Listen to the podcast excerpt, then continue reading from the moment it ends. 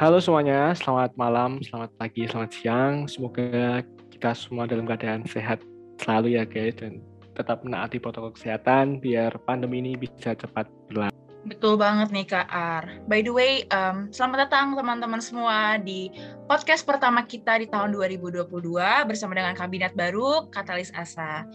Kayaknya kita nggak afdol ya Kak Ar ya kalau kita nggak kenalan dulu nih. Kenalan dulu nggak sih? Bener banget biar makin pada kenal kita gitu ti tuh ya deh aku mau kenalin diri deh Halo semua, kenalin. Nama aku Ivana Tiara, biasa dipanggil Tiara. Aku dari Administrasi Publik tahun 2021 dan alhamdulillah tahun ini aku diberikan amanah menjadi fungsionaris Humas BEM Visip Undip tahun 2022. Aku aja langsung perkenalan kali ya. Oke semuanya, halo, selamat malam, selamat siang, selamat sore. Perkenalkan nama aku Fevadi Ada Gustantia, bisa dipanggil Arya atau Bel-Bel juga bisa. Aku dari Administrasi Publik Angkatan 2020 dan alhamdulillah tahun ini diamanati sebagai fungsionaris Humas Mempisip tahun 2022. Di sini kita tuh nggak cuma berdua ya Tia. Ya. Betul banget Kak Ar, kita tuh bareng narasumber yang keren parah nih. Siapa tuh Ti? Nih dia ketua Visipor 2021 nih. Siapa sih Kak Ar? Eh, keren banget sih. Dengar-dengar juga narasumber kita satu ini tuh student exchange juga loh guys. Mungkin boleh kali ya. Halo Kak Kaila. Halo, halo semua. Halo Tiara, halo Arya. Namaku Kaila Fiadi Malaika biasanya dipanggil uh, Kai atau Kaila. Terus aku dari administrasi bisnis 2019. Um, kita ngobrol-ngobrol dulu kali ya sebelum masuk ke topik kita yang kita bakal bawa hari ini. Um, belakangan ini kalau aku boleh tahu Kak Kaila lagi sibuk ngapain aja sih Kak? Uh, kalau misalnya kesibukan sih sejauh ini nggak ada kesibukan apa-apa sih ya, tapi kebetulan karena aku itu mahasiswa uh, eh, IUP atau kelas internasional, sekarang aku lagi um, ngikutin program student exchange di Universitas Malaya di Kuala Lumpur, Malaysia. Gitu kalau misalnya untuk kesibukan yang lain ya sama lah mungkin kayak kalian ya kuliah juga, belajar juga dan ikut-ikut kelas dan lain-lain gitu. Oh. oh gitu. Nah kalau student exchange gitu tuh Kak Kaila juga ikut organisasi nggak sih Kak? Um, gimana ya ngomongnya? Kalau misalnya untuk organisasi sih, alhamdulillah organisasinya udah selesai semua. Dan ada juga beberapa yang aku uh, memutuskan juga untuk nggak lanjut gitu ya. Karena aku udah dengerin juga testimoni dari teman-temanku yang dulu ikut student exchange di Universitas Malaya ini. Itu emang agak jauh lebih berat daripada kita kuliah di Undip kan um, milih mana yang aku prioritasin dulu deh sekarang gitu. Jadi aku udah nggak sesibuk dulu sebenarnya dan udah nggak sesibuk kalian juga gitu kalian emang sibuknya apa aja sih aku juga mau tahu dong selain um, di bem dan kuliah ini kalau aku ya sama sih sebenarnya kurang lebih kayak Kak Kaila. Pastinya aku kuliah dong yang utama, tugas-tugas. Terus uh, aku nih kegiatannya lumayan sedikit berhubungan dengan topik kita nih. Aku kebanyakan FOMO, jadi aku kebetulan um, di semester ini ikut lebih dari tiga organisasi jadi memang rada hektik sedikit tapi ya alhamdulillah sih lancar-lancar aja kak sampai sekarang. Kalau kak Ar gimana nih kak Ar? Kalau aku sih lebih yang kayak kak Kaila sih ya nggak terlalu hektik dengan tiga organisasi kayak Tiara. Aku masih orang yang mahasiswa yang kayak organisasi masih secukupnya aja satu BEM Visip doang terus sibuk juga ya itu tuh tugasnya ada banyak juga. Terus harus menyesuaikan dengan tugas-tugas dari dosen-dosen yang tipenya ada yang tipe dosen setiap pertemuan kasih tugas gitu-gitu. Jadi kayak lebih ke manage waktu sih. Nah tapi itu kadang juga ngerasa uh, teman-teman aku nih yang ikut organisasi itu kayak Tiara gitu kayak kamu tuh lebih dari tiga organisasi gitu terus banyak. Terus ada yang mereka tuh ikut organisasi. Sebenarnya tuh mereka tuh nggak harus ikut tapi karena teman-temannya udah ikut atau banyak yang ikut dia jadi FOMO gitu loh Ti.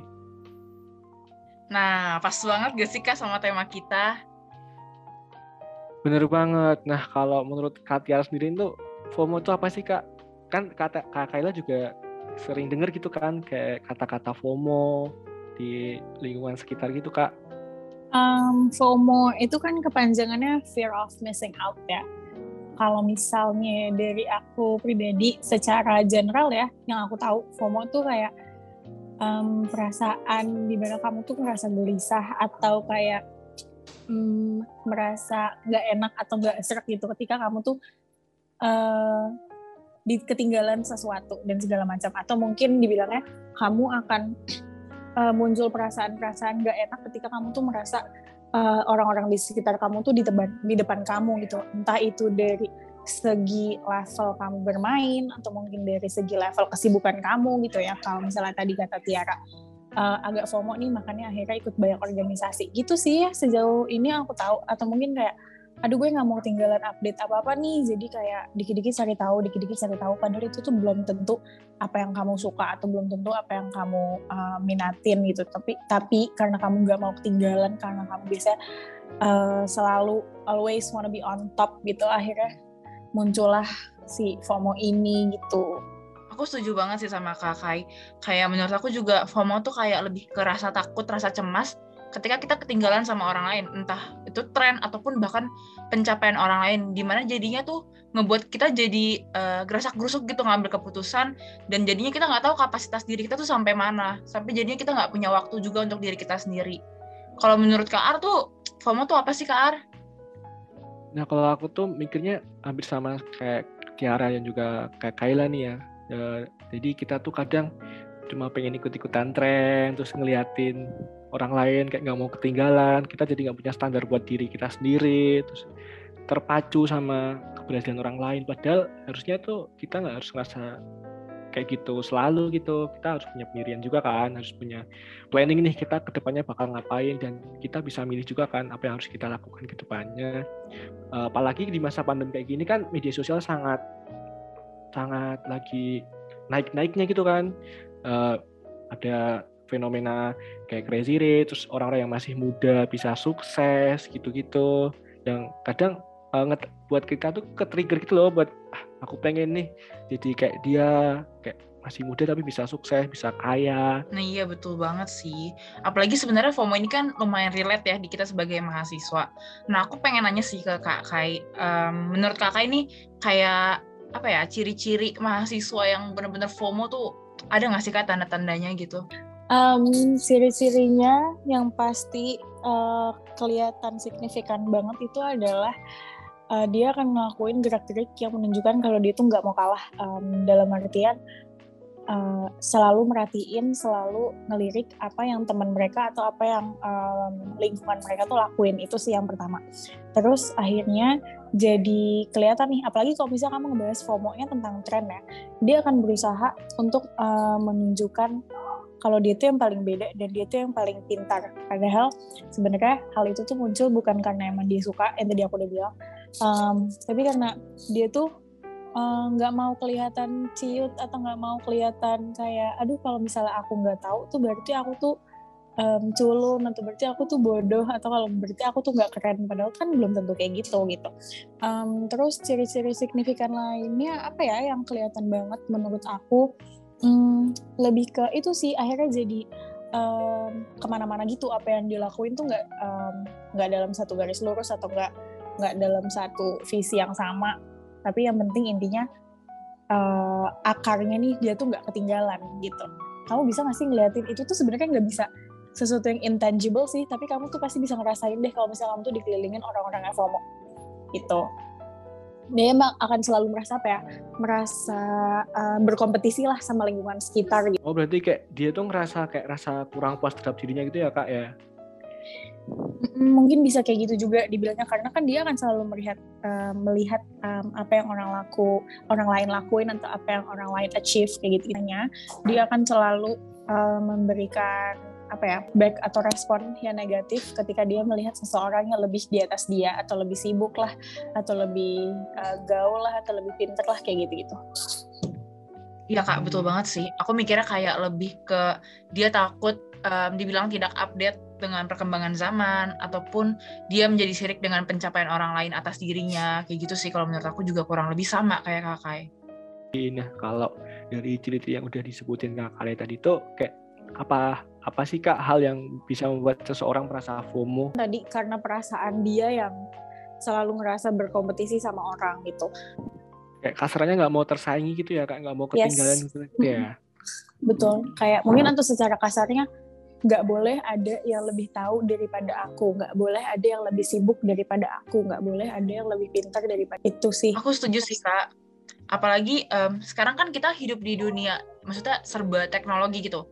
Apalagi di zaman pandemi kayak gini, maksud aku kita aja kuliah tuh sekarang online gitu. Otomatis kayak semua hal yang berbau dengan kehidupan kita tuh semua terupdate di sosmed. Yang menurut aku seluruh dunia tuh bisa ngeliat gitu. Teman-teman kita bisa ngeliat pencapaian kita segala macam. Nah, menurut aku tuh itu salah satu hal yang bikin orang FOMO, di mana eh, dia pengen diakuin di dunia maya. Kalau misalkan dari kakak sendiri pernah nggak kak kayak ngerasa FOMO dan kalau misalkan itu kayak karena apa? Mungkin bisa diceritain sedikit-sedikit. Um, jujur aku pernah sih kayaknya ngerasa FOMO. Uh, kita bahasnya dari segi um, permainan dulu ya perte- pertemanan main gitu mungkin ya. Kayak uh, kalau misalnya aku tuh, aku selalu ngerasa ibaratnya kamu punya geng nih, kamu punya geng. Terus ternyata di dalam geng ini ada um, beberapa kelompok yang lebih kecil lagi yang akhirnya menceritakan sesuatu yang hmm, kamu tuh tiba-tiba nggak tahu. Biasanya tuh muncul kayak itu jatuhnya lebih ke kayak agak eh, apa ya ngerasa ah kok aku nggak tahu sih? Kan aku juga sama-sama temanmu kayak gitu. Atau misalnya lebih ke yang FOMO ketika eh, kamu lagi sibuk nggak bisa pergi dan segala macam. Terus akhirnya teman-teman pada pergi terus kamu kayak merasa takut.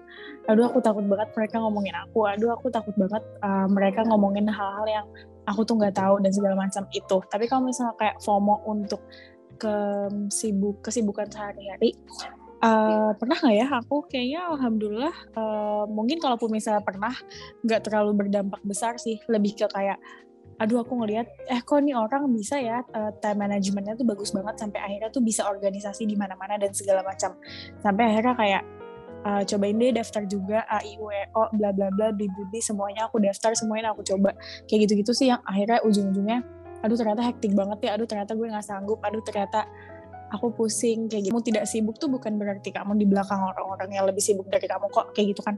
Jadi kayak akhirnya aku udah mulai eh ya udahlah nggak apa-apa yang penting akunya happy dan fine fine aja sama yang Nah kalau dengar dari Kak Rel yang dulu pernah ngerasain FOMO, kayak gak mau ketinggalan kalau teman bermain ikut ikut ikut main, nah itu kayak bisa dibilang toxic productivity nggak sih kak? Uh, mungkin kalau misalnya toxic productivity itu lebih ke dari segi FOMO yang ke arah kesibuk ya karena kamu nggak mau kalah. Mungkin ini konteksnya kayak nggak boleh ada yang lebih sibuk dari aku atau nggak boleh ada yang lebih pintar dari aku gitu. Akhirnya dia jadi memaksa dirinya untuk terus produktif untuk terus sibuk untuk terus um, belajar.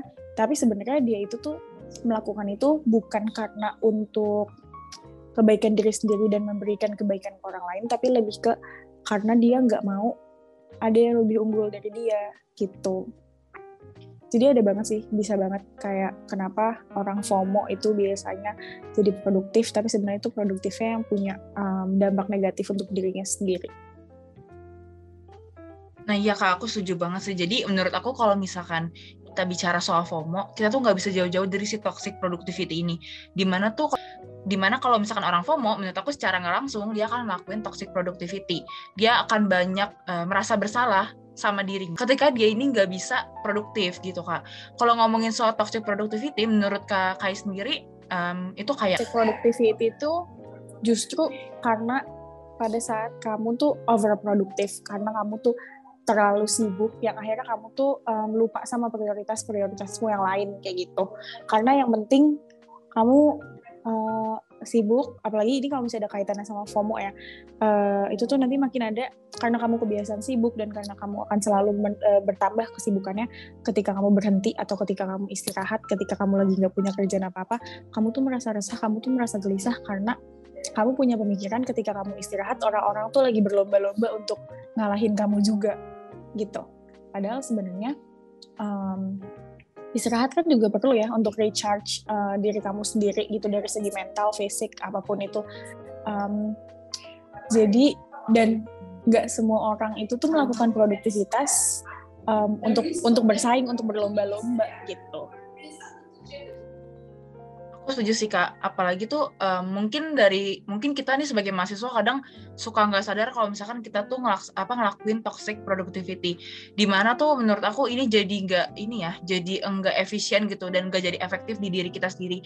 Karena jujur namanya manusia punya titik capek, punya titik burnout, dan kalau misalkan kita kebanyakan berproduktivitas sementara kita sendiri nggak punya waktu untuk diri kita untuk mungkin zaman sekarang bilangnya healing healing lah ya itu menurut aku bisa ngaruh ke um, lebih ke burnout, terus dia bisa stres dan aktivitas selanjutnya tuh menurut aku nanti nggak bakalan produktif lagi. Misalkan kayak dia ngerasa capek aja sama masih banyak hal yang harusnya masih bisa dilakuin. Cuman karena di awal dia terlalu um, padat gitu dan nggak membiarkan diri untuk istirahat, jadinya dia uh, mungkin bisa dibilang lebih burnout dan lebih capek gitu sih kak kalau menurut. Nah kalau di kita ngomongin dari segi kesehatan, menurut Kak Kaila ada nggak sih dampak lain dari FOMO ini Kak? Dari segi lain mungkin dari segi ekonomi atau dari segi selain kesehatan? Selain kesehatan, dari ya. segi ekonomi, mungkin kalau misalnya ini lebih ke kamu sibuk apa yang di tapi apa yang kamu kerjain dibayar sih mungkin kalau dari segi ekonomi malah lebih bagus ya gajimu jadi lebih banyak. Tapi kalau misalnya dilihat atau dari secara keseluruhan deh biasanya ketika kamu melakukan sebuah kerjaan itu bukan karena sesuatu atau bukan karena sesuatu alasan yang baik gitu ya itu tuh pasti hasilnya jadi gak maksimal gitu. Karena um, tujuanmu tuh bukan untuk selesai tujuanmu tuh bukan yang ada di akhir gitu tapi tujuanmu tuh karena ya itu di awalnya kamu merasa si FOMO itu gitu kan jadi pasti kamu kayak uh, ngerasa terburu-buru, ngerasa tergesa-gesa, dan ngerasa ngerjainnya tuh nggak sepenuh hati. Akhirnya ujung-ujungnya nggak maksimal, kayak gitu. Pasti. Terus untuk dampak lain, kesehatan mental ada, kesehatan fisik ada juga. Terus mungkin dari segi lingkungan sih, kamu akan ngerasa lingkungan kamu tuh uh, jadi nggak jadi nggak benar gitu. Padahal kamunya sendiri yang membuat lingkungan itu jadi toxic gitu. Um, karena uh, gini deh gila ya nih orang kok nggak sibuk apa apa sih? Nih orang kok gabut banget sih? Sedangkan gue aja tuh sibuk loh kayak gini gini bla bla bla bla bla kayak gitu. Itu sih yang bisa aku uh, jadi kayak ya, lebih ke penyakit bisa takutnya bisa nyebabin penyakit hati nggak sih kak? Kayak iri terus kita menjadi merasa sombong merasa paling hebat terus hmm. ngebandingin dengan orang lain. Terus dari segi lingkungan sosial kita juga kadang milih-milih teman nggak sih kak? Betul, itu dia. Itu. Padahal yang sibuk itu um, belum tentu paling baik dan paling pintar. Kayak kepintaran dan kebaikanmu tuh nggak dilihat dari kesibukanmu kok. Betul banget kak. Berarti aku bisa rangkum ya kalau misalkan sebenarnya FOMO ini tuh lumayan merugikan ya baik dari ekonomi maupun mental, baik baik kesehatan mental maupun kesehatan fisik. Nah, kalau misalkan kita lihat dari segi kerugiannya, berarti kan kalau tahu kita rugi, berarti kan kita harus nyari suatu solusi gimana caranya supaya kita nih mahasiswa um, bisa tahu lah gitu kapasitas diri kita tuh sampai mana untuk bisa mengikuti jejak orang lain. Nah, kalau menurut Kak Kaila sendiri, solusi yang tepat gimana sih Kak supaya kita nih nggak FOMO dan berakhir nggak nggak nge, nggak ngerasain toxic productivity itu sendiri? Uh, solusinya jangan pernah lihat ke atas tapi ketika kamu lihat ke bawah kamu jangan menyombongkan dirimu. Intinya gitu sih ya. Uh, jangan merasa uh, rendah dan lemah ketika kamu melihat apa yang di atas kamu. Jangan merasa sombong dan arogan ketika kamu melihat uh, apa yang di bawah kamu gitu. Terus sama ya sebenarnya yang paling simpel kamu gak usah peduliin apa yang orang lain lakuin sih dan jangan akan dan, jangan merasa uh, tersaingi. Karena kalaupun misal ibaratnya kalau misalnya dibilang GR ya pasti orang yang kita anggap itu pesaing kita akan berpikiran um, we're not even in competition gitu. Kayak kita bahkan nggak berkompetisi kenapa kamu ngerasa bersaing sih sama aku? Kayak gitu. Intinya kayak gitu nggak usah peduliin apa yang orang lain lakuin. You do you do your job do your task. Apa um, lakuin apa yang kamu suka lakuin apa yang um, bermanfaat buat diri kamu sendiri. Dan tentunya sebenarnya cari apa yang bermanfaat buat kamu dan buat orang lain gitu. Sama ini gak sih kak? Kayak kayak kita tuh belajar buat bodo amat terus gak berekspektasi lebih terhadap sesuatu gitu-gitu kan? Yes itu juga benar. Eh kok kamu tuh gabut banget sih? Kamu tuh nggak pernah ngapa-ngapain. Jangan karena adanya uh, omongan itu akhirnya kamu jadi sibuk dan segala macam kayak gitu-gitu. Tapi balik lagi, mungkin di sini aku mau ngingetin juga sih orang yang sibuk banget juga itu tuh belum tentu mereka melakukan toxic productivity. Mungkin emang mereka uh, punya time management yang baik akhirnya dia bisa untuk ngikutin banyak hal dan segala macam atau mungkin apa yang dia lakukan itu bermanfaat saling bermanfaat lah simbiosis mutualisme jadinya dia sibuk dan segala macam kayak gitu-gitu jangan pernah nge-stereotype uh, orang yang sibuk banget itu tuh uh, toxic productivity tapi jangan juga um, menganggap orang yang nggak punya kesibukan sama sekali tuh aduh lo gabut banget sih sampai nggak punya kerjaan apa-apa gitu. Kerjanya bengong doang luntang lantung kayak gitu-gitu sih. Betul sih kak, dan menurut aku juga harus ditambahin sama pemikiran yang positif karena menurut aku di mana kalau misalkan pemikiran kita positif pasti hal baik, misalnya kayak hal-hal positif juga pasti datang ke kita.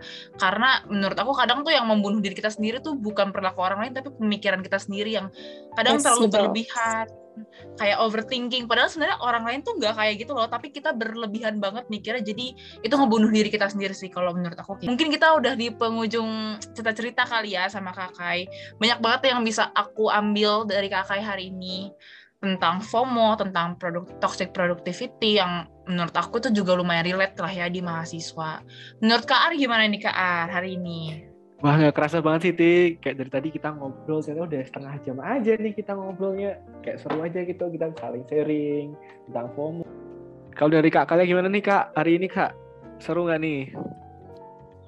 Um, seru-seru ya, kita jadi kayak bertukar pikiran juga nih mengenai um, FOMO dan toxic productivity ini gitu. Aku harap juga uh, kita semua ya dari sini ya aku nggak cuman uh, nasihatin doang kan pasti harus menasihati diri sendiri juga ya kayak jangan sampai kamu tuh uh, menyibukkan diri kamu sendiri hanya karena kamu tuh nggak mau ketinggalan orang gitu um, lakuin apa yang kamu suka, lakuin apa yang menurut kamu itu baik, gitu. Oke, okay. teman-teman mungkin um, ini udah di penghujung podcast kita kali ini um, super thank you banyak buat Kak Kaila. Uh, walaupun dari sela-sela bukannya Kak Kaila masih mau nyempetin waktu nih buat jadi narasumber di podcast BMVZ kali ini. Keren banget Kak. Semoga Kakak susah selalu dan buat teman-teman semua di luar sana, terima kasih banyak udah mau ngeluangin waktunya buat dengerin podcast kita dengan tema FOMO dan toxic productivity kali ini. Tetap jaga kesehatan dan sampai jumpa di episode selanjutnya. Oke, terima kasih semuanya. Sampai jumpa. Terima kasih Kak Kaila. Thank you, Dadah. thank you Tiara, thank you Arya. Bye.